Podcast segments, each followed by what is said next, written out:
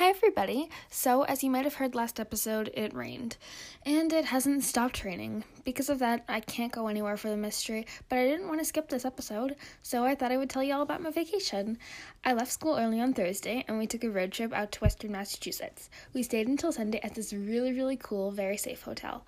We took a hike, visited my grandparents, and ate some great food from local restaurants. Nothing mystery related happened there, though. I guess that's all for today. Until next time, I'm Zoe, and this is my life on lockdown.